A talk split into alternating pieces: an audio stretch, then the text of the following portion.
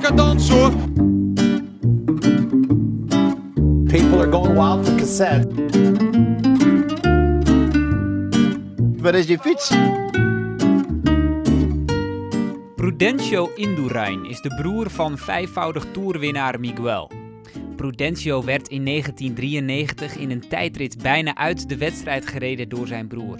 Maar Miguel reed lek, verloor 20 tellen en Prudencio eindigde nog net binnen de tijd.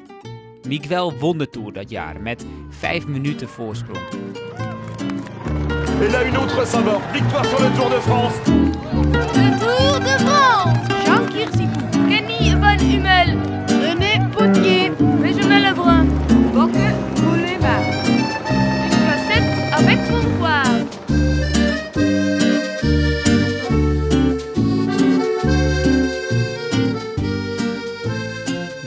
Wel eens over het presteren van Antonio Nibali, Dayer Quintana, Brian Alaphilippe, Ryan Bouhanni of Juraj Sagan?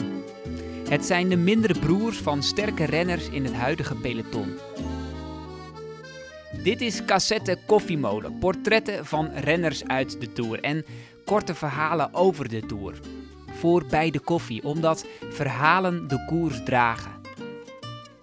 Deze aflevering gaat over Sagan, niet over Peter, maar over Juraj. Juraj Sagan is op dit moment waarschijnlijk de bekendste mindere broer in het peloton. Nou ja, hij is in ieder geval de broer van de bekendste renner. Op de erelijst van Juraj Sagan staan twee overwinningen. Hij werd twee keer kampioen van Slowakije op de weg. Twee keer werd zijn kleine broertje Peter tweede. Dat waren cadeautjes, als we de koppen boven de wedstrijdverslagen mogen geloven. Je leest, Peter schenkt broer Juraj nationale titel. Juraja Sagana to bol 5krát Peter, takže naozaj to je už hegemonia. štátnu hymnu Slovenskej republiky. Je hoorde het commentaar bij de podiumceremonie van het Slovaaks kampioenschap in 2017. Een plein vol mensen met hun telefoons op het podium gericht. Ze zijn gekomen voor maar één man. Nationale held Peter Sagan. Hij wordt die dag tweede, achter zijn grote broer Juraj. Peter Sagan is een van de beste wielrenners ooit. Broer Juraj leeft in zijn schaduw en dat past bij hem. Want zo groot als het verschil in koerskwaliteit is, zo groot is ook het verschil in persoonlijkheid. Peter is de flamboyante man met een strakke koep en zijn kenmerkende babbel.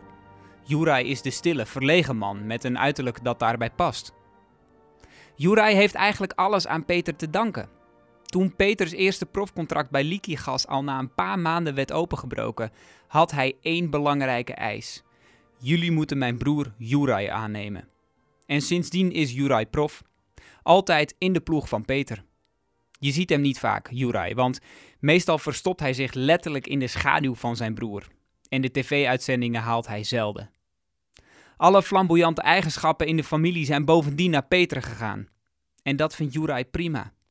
Juraj is de verstandige van de twee en maakte zijn gymnasium wel af, terwijl Peter eerder koos voor de fiets. Tot ergernis van moeder Helena overigens, die nog steeds wil dat Peter na zijn carrière zijn school afmaakt. Want ja, wat moet hij anders gaan doen? Het vuilnis ophalen? Juraj heeft tenminste nog iets in handen als hij stopt. Ik ken dit verhaal door het werk van NRC-journalist Dennis Meijnema. Hij ging vorig jaar naar Tsilina toe, waar de Sagans zijn opgegroeid. Hij sprak met jeugdtrainers, vrienden en de ouders van Peter en Juraj. En wat bleek? Peter heeft eigenlijk alles aan Juraj te danken. Want toen Juraj Sagan op 12-jarige leeftijd besloot zich aan te sluiten bij de lokale fietsclub, ging Peter hem achterna. Had Juraj iets anders besloten, dan was Peter misschien wel nooit wielrenner geworden in een land waar fietsen helemaal niet populair is. Zo gaat het bij een oudere broer. Die doe je na. Al snel bleek dat broer Peter meer talent heeft in zijn linkeronderbeen dan Juraj in zijn hele lichaam.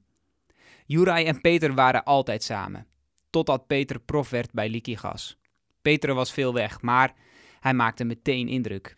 Toen Peter de onderhandelingen startte, greep hij meteen de kans aan om Juraj erbij te halen. Om Juraj terug in zijn leven te halen. Zo konden de twee weer wat meer tijd samen doorbrengen. 6 juli 2017. De Tour de France staat op zijn kop. Peter Sagan is naar huis gestuurd. De inmiddels bekende beweging richting Cavendish kon volgens de organisatie niet door de beugel. De ochtend erna richt Dennis Meijnema zijn ogen op Juraj. Juraj rijdt zijn eerste grote ronde, uitgerekend in de Tour en uitgerekend aan de zijde van Peter. Natuurlijk zijn ze kamergenoten op hun tournee door Frankrijk.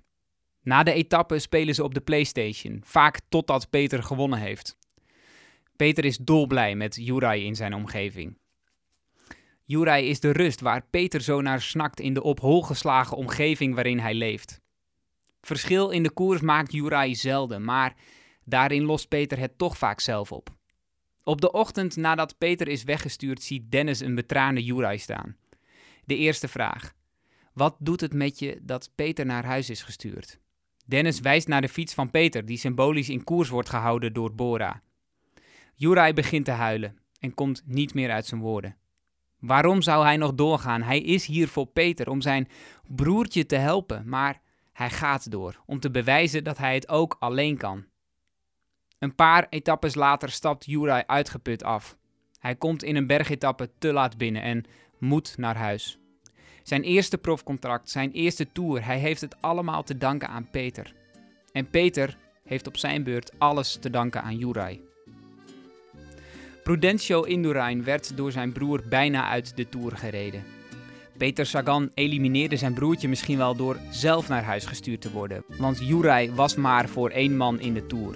En dat was zijn broer. Toen die weg was, bleek de kracht in zijn benen verdwenen. Achter de renners die in de schaduw fietsen van hun bekende broer zit altijd een verhaal. Ze zijn niet de suffertjes van het peloton. Ze knokken zich een weg door hun wielenbestaan in de schaduw van hun broers. En wil je meer weten over de Sagans en waar ze vandaan komen? Check dan ook de aflevering die ik maakte met Dennis Meijnema. Daarin vertelt hij over zijn trip naar Tsilina.